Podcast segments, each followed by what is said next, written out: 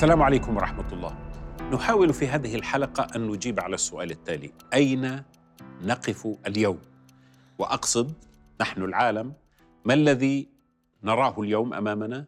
وما الذي نتوقع في الفترة القادمة فيما يتعلق بالنظام الدولي، فيما يتعلق بموازين القوى العالمية، كون نعيش حالة انتقال، كل حالة الانتقال هذه مفتوحة على احتمالات كثيرة، لكن سنجتهد في تقديم رؤية لما هو عليه الحال مسترشدين بالمنهجية التي وضعناها في هذه الحلقات من آه، من استدعاء البعد الجغرافي والبعد التاريخي والعقل الجمعي لهذه الأمم.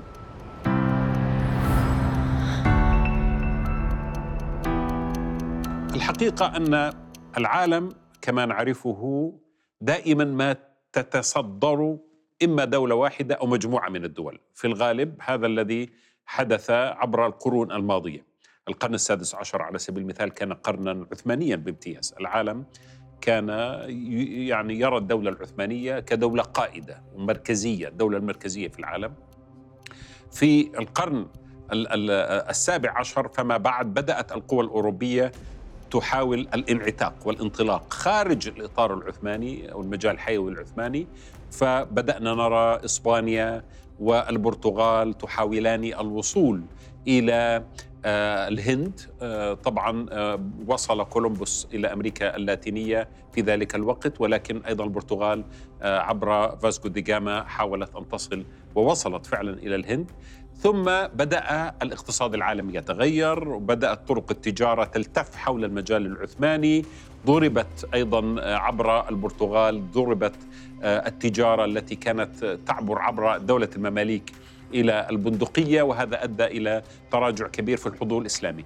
فالدولة الإسلامية المتمثلة بدولة المماليك وكذلك بالدولة العثمانية بدأت تتراجع لحساب قوى أوروبية ناشئة. هولندا كانت أيضا لها آه، حضور كبير في تلك الفترة كان أسطولها وتجارتها مقدم على معظم الدول الأوروبية الأخرى القرن الثامن عشر فرنسا أصبح لها حضور كبير واصبحت أيضا مقدمة على دول أخرى كثيرة وبدأت تتوسع وتنفتح على وتحتل وتستعمر دولا كثيرة. القرن التاسع عشر كان قرنا بريطانيا، كانت الدولة البريطانية تسيطر فيه على مساحة هائلة من الكرة الأرضية وإمبراطوريتها مع العلم أنها جزيرة صغيرة بريطانيا جزيرة صغيرة في الحقيقة. وهذا يعني شيء سنناقش في يوم ما عندما نتحدث عن الأبعاد الجيوسياسية للجزر. وأنا بتقديري اليابان وكذلك بريطانيا تستحقان دراسة في إمكانية تشكل البعد الإمبريالي والبعد الإمبراطوري. القرن التاسع عشر كان قرنا بريطانيا. وقد شهدنا في القرن العشرين بداية تراجع الإمبراطورية البريطانية. الإمبراطوريات عادة لا تتراجع فجأة يعني ما بنصحى الصبح نلاقيها انتهت لكن تأخذ وقت طويل حتى تتراجع. هذه الدورة التي تتراجع فيها الإمبراطوريات هي في الحقيقة دورة معروفة في التاريخ. فيها عناصر لها علاقة بالاقتصاد لها علاقة بحركة رؤوس الأموال وكذلك طرق التجارة لها علاقة بالديناميكيات الداخلية للإمبراطوريات لها علاقة بتوسع الإمبراطوريات وإنفاقها المبالغ فيه. لما تبدأ الإمبراطورية تنفق على تراثها وميراثها وعلاقاتها الاقتصادية وعلى آه، أسطولها البحري آه، ما لا تستطيع أن أن أن أن, أن توفره تبدأ أيضا بالتراجع. وهذه الدورة في الحقيقة درست اليوم دراسات كثيرة جدا وأنا أريد أن أحيلكم إلى كتاب آه، كتب في هذا الشأن حول كيفية فهم التغير في الإمبراطوريات وفي العالم. الكتاب بعنوان Principles for Dealing with the Changing World Order. مبادئ التعامل مع تغير النظام الدولي مؤلفه ري ديليو وكان رجل أعمال بالمناسبة وقام بهذا البحث التاريخي قدم رؤية في غاية الأهمية عن الدائرة أو الدورة الحضارية وكيفية تراجع وانهيار الإمبراطوريات وأنصح بقراءته أو بالاطلاع على العمل الوثائقي والموجود على اليوتيوب.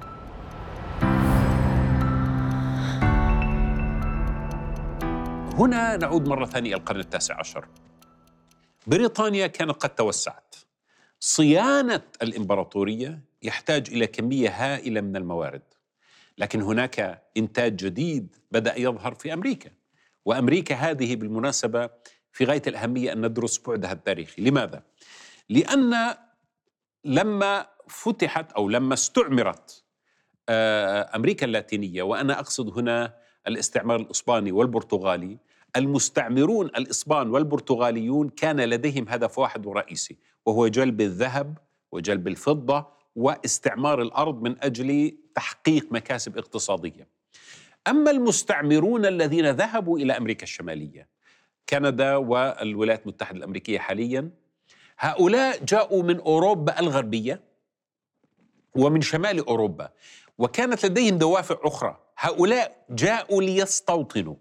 كثير منهم كانوا من السجناء أو من المنفيين كثير منهم كانوا من المغامرين والباحثين عن فرص جديدة كثير منهم كانوا يريدوا أن يتناسوا أو أي أن ينقطعوا عن البيئة الأوروبية التي كانت تزدحم عبر التاريخ بحروب وإشكالات وخلافات كبيرة، لذلك المستعمرون الذين ذهبوا إلى الولايات المتحدة الأمريكية أخذوا معهم مخترعات جديدة بدأت تظهر في أوروبا في ذلك الوقت، أخذوا معهم أيضا ثقافة، أخذوا لغة، أخذوا عادات وتقاليد، لكن لم يأخذوا التاريخ، أي أنهم لم يستدعوا خصوماتهم التاريخية العتيقة الموجودة في أوروبا لكي يستعيدوها مرة ثانية وإنما استبدلوها بمحاولة التعايش.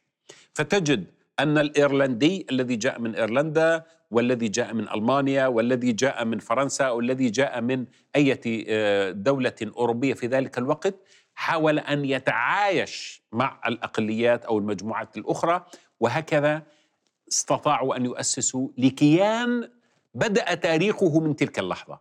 لماذا؟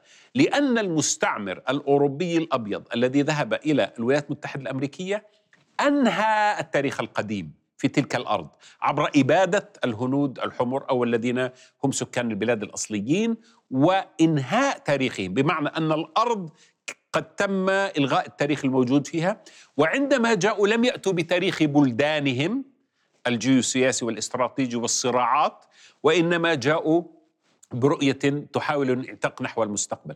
ثم أنهم لم ينشغلوا كذلك بالنظريات والإكتشافات العلمية وإنما انشغلوا بتطبيق النظريات العلمية والاكتشافات في الواقع. فبدات بدأ الإنتاج الصناعي الأمريكي بدأ يزدهر بشكل كبير مما بدأ يؤثر على المنظومة الاقتصادية العالمية وبريطانيا التي انشغلت في الحرب العالمية الأولى ثم بعد ذلك في الحرب العالمية الثانية لم تستطع أن تجاري هذه القوة الجديدة الصاعدة التي تقودها آه، صناعات متقدمة في ذلك الوقت وإنتاج كبير. ظهور الولايات المتحدة الأمريكية على المسرح العالمي طبعا أمريكا موجودة منذ فترة طويلة لكن ظهورها كقوة استراتيجية مركزية ومحورية طبعا توج في الحرب العالمية الثانية عندما كان دخولها إلى الحرب سببا للانتصار انتصار الحلفاء على هتلر وعلى اليابان. هذا الذي حدث أدى إلى أن الولايات المتحدة الأمريكية بدأت تفكر الآن بالخروج من عزلتها التاريخية نحو قيادة العالم. وتسيد العالم. وفي الحقيقة جذور ذلك نجدها في المراسلات التي تمت ما بين تشرشل وروزفلت. لأن تشرشل كان يريد عبر 790 رسالة تقريبا استدعاء الولايات المتحدة الأمريكية لكي تشارك في الحرب. أدرك تشرشل رئيس وزراء بريطانيا في تلك الفترة أنه لا يستطيع أو أن أوروبا لا تستطيع الصمود أمام ألمانيا إلا باستدعاء الولايات المتحدة الأمريكية بثقلها الصناعي الهائل.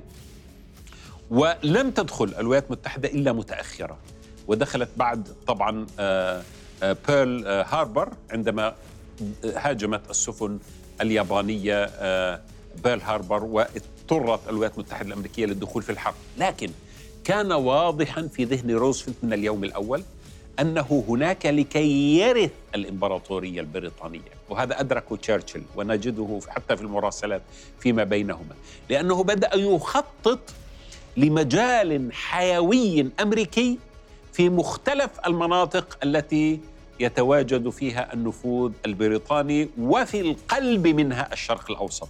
لماذا؟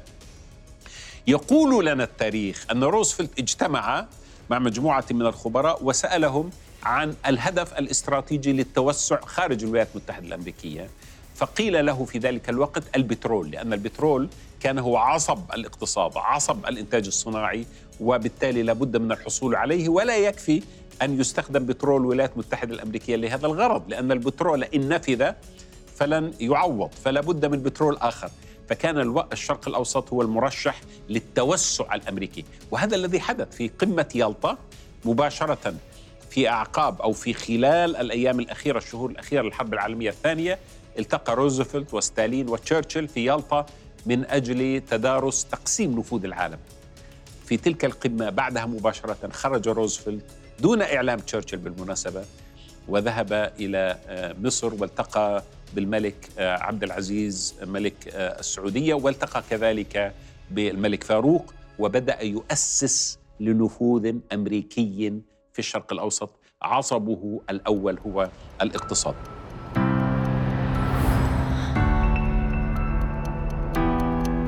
الإعلان عن انتهاء التسيد الإمبراطوري البريطاني للعالم لم يتم في 1945 وإنما تم في عام 1956 في اللحظة التي نسميها لحظة السويس لماذا؟ الحرب التي دارت في السويس في عام 56 كانت طبعا نعرف بريطانيا فرنسا وإسرائيل. كانت تظن بريطانيا وفرنسا وكلاهما إمبراطوريتان سابقتان ما زال يسيطر عليهما الحس الإمبراطوري دون الإمكانات الحقيقية الإمبراطورية. ظن أنهما قادرتان على ان ان, أن تقوم بمثل هذه الحرب للسيطرة على آه، قناة السويس طبعا. هنا تدخلت الولايات المتحدة الأمريكية وقدمت انذارا لبريطانيا بضرورة وقف الحرب وقد اضطرت بريطانيا في ذلك الوقت تحت التهديد والوعيد بوقف الحرب. وكانت هذه اللحظة في التاريخ هي اللحظة التي أدرك العالم فيها أن للعالم سيد جديد هو الولايات المتحدة الأمريكية وأن السيد القديم لا يستطيع أن يقف أمامه.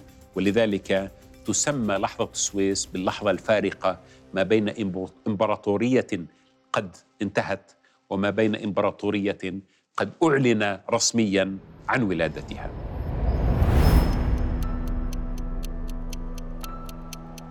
اذا النظام الدولي كما نعرفه اليوم ولد في نهايات الحرب العالمية الثانية.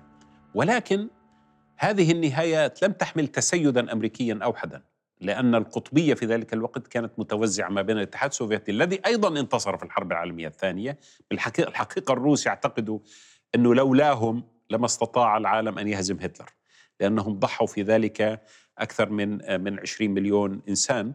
وهذه مسألة طبعا في التاريخ الروسي مسألة كبيرة جدا. أي الاحتفال بالانتصار في يوم 9 ماي في التسعة من من شهر خمسة على القوة النازية. هذا يوم كبير في التاريخ السوفيتي وفي التاريخ الروسي كذلك. لكن الولايات المتحدة الأمريكية ورثت العالم بعد الحرب الباردة. بمعنى بعد انهيار الاتحاد السوفيتي في عام 1991 تبين أن هناك قطب واحد انتهت القطبية الثنائية وأصبح لدينا القطب الأوحد اللي هو الولايات المتحدة الأمريكية التي أرادت من خلال تفردها في العالم أن تؤسس لما تعتقده بأنه رسالتها الرسالة الليبرالية رسالة الهيمنة في الحقيقة. الليبرالية بالمناسبة هي مفاهيم لما تتعلق بالحياة الإنسانية في داخل أي دولة ربما يتفهمها الناس ويتقبلها وهي في كثير منها جيدة. بمعنى المسألة الديمقراطية حقوق الإنسان التنوع وما إلى ذلك. لكن عندما تتحول الليبرالية إلى قوة وسلاح من أجل الهيمنة هنا تصبح ممانعة عالمية. كيف فهمنا أن الليبرالية أصبحت أداة لنشوء إمبراطوريات أو نشوء قوى وأقطاب جديدة؟ في الحقيقة هذا بدا لنا واضحا في الصين. الصين عاشت قرنا يسمى بالأدبيات الصينية قرن الإهانة. هذا القرن امتد من أواسط القرن التاسع عشر من عام 1800 و 1842 تقريبا بحروب اسمها تسمى حروب الأفيون. شنها الأوروبيون ضد الصين لإجبار الصين على فتح تجارتها أمام مادة الأفيون التي كان الغرب يتاجر فيها في تلك المنطقة.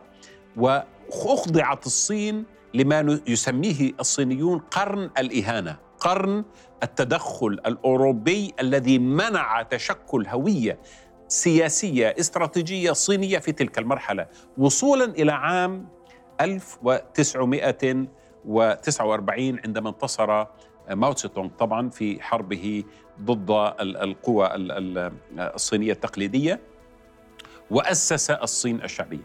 الصين في في هذه الفترة اعتنقت الشيوعية طبعا. وماو تسي تونغ كان لديه رؤية للصين أيضا نابعة من الوعي الجمعي الصيني وليست مستورده في الحقيقة من الخارج وهذا الذي أدى فيما بعد إلى خلاف بينه وما بين ستالين الذي كان يقود الاتحاد السوفيتي لأن ماو تسي تونغ لم يسر بالضبط على نهج ستالين العالمي فيما يتعلق بالشيوعية في ذلك الوقت وإنما أراد أن يجعلها أكثر صينية كما فعل هوشيمينا في فيتنام الذي جعل من النسخة الشيوعيه الفيتنامية مختلفة عن النسخة السوفيتية آه، آه، في ذلك الوقت.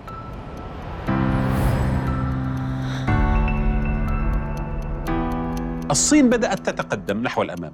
الولايات المتحدة الأمريكية لما نظرت إلى الصين نظرت إليها كدولة يمكن أن تساعدها في الحرب الباردة ضد الاتحاد السوفيتي ولذلك ريغن فتح علاقاته مع ماو تسي تونغ وبدأنا نرى علاقات أفضل بين الصين وبين الاتحاد وبين الولايات المتحدة الأمريكية. هناك ثلاثة افتراضات خاطئة.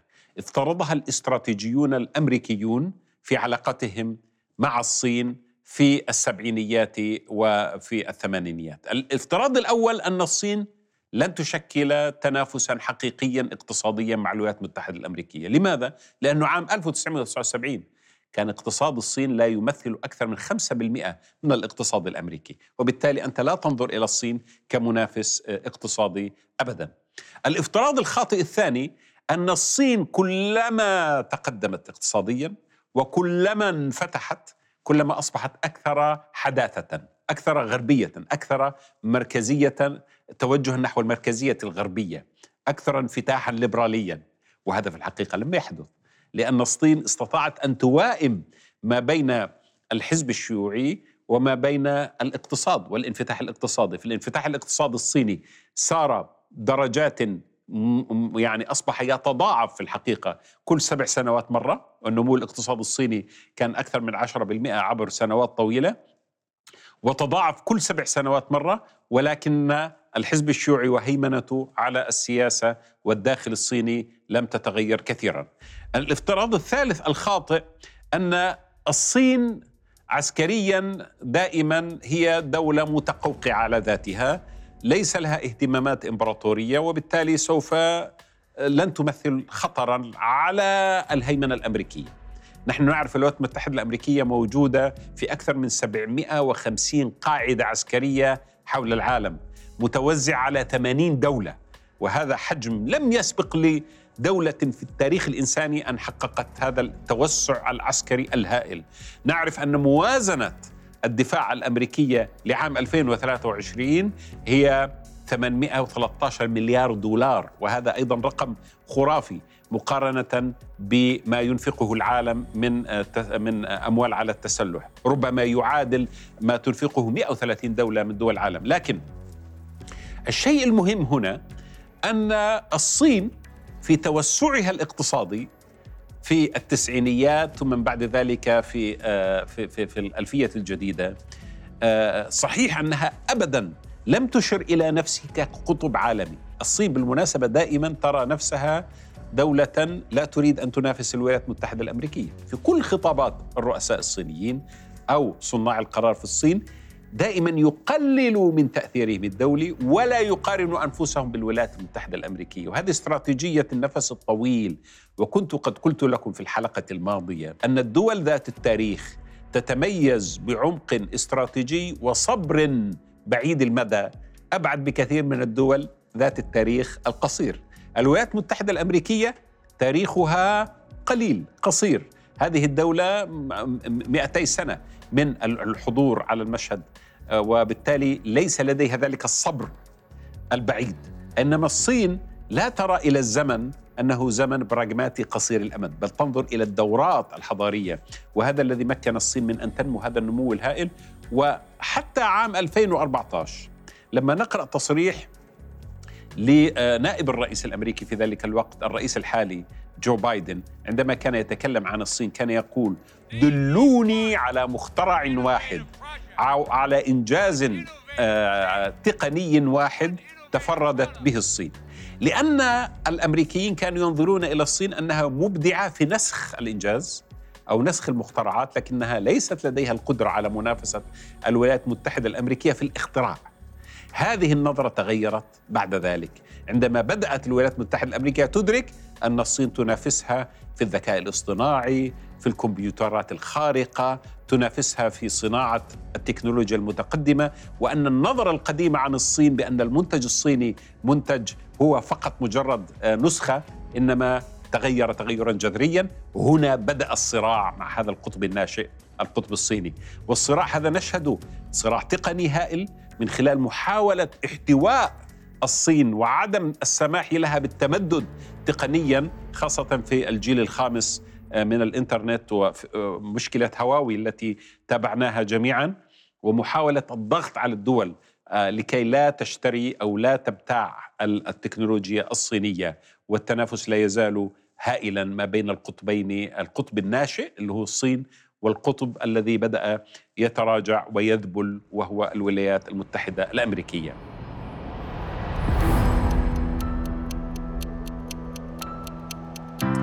اذا عندما ننظر إلى المستقبل نرى الولايات المتحدة الأمريكية وهي قطب سيبقى مستمر موجود لكن قطعا وبإجماع المحللين الاستراتيجيين تقريبا نستطيع أن نقول أنه يتراجع. ونرى القطب الثاني وهو القطب الصيني يتقدم نحو الأمام وينافس ليس فقط في مجال الصناعات التقنية وإنما ينافس كذلك جيوسياسيا لأنك حتى تحمي استثماراتك العالمية تحمي سلاسل التوريد تحمي المناجم التي تأتي بها بالمواد الخام للصناعات لابد لك من قوة استراتيجية سياسية عسكرية لكي تستطيع أن تستمر في دورتك الإنتاجية الفائقة ومن هذا الباب يحتم على الصين أن تبدأ بالانشغال بالأبعاد الاستراتيجية والعسكرية عالميا حتى تستطيع أن تؤمن اقتصادها داخليا وتؤمن تجارتها واستثماراتها في العالم. لكن هل سيقف العالم عند قطبين اثنين؟ الولايات المتحدة الأمريكية والصين؟ الحقيقة أن ذلك لن يكون كما أعتقد هو الحال وإنما سيكون لدينا شيء جديد وهذا الذي ينبغي علينا أن ننتبه له بشكل مركز هناك روسيا وهناك أوروبا فما الفرق ما بين القطبية الروسية الجديدة والقطبية السوفيتية القديمة وما هو دور أوروبا في الواقع القادم. هذا الذي ينبغي أن نفكر فيه وأن نتدبره بشكل يستطيع أن يشكل لنا العالم ربما كما سيكون في المستقبل.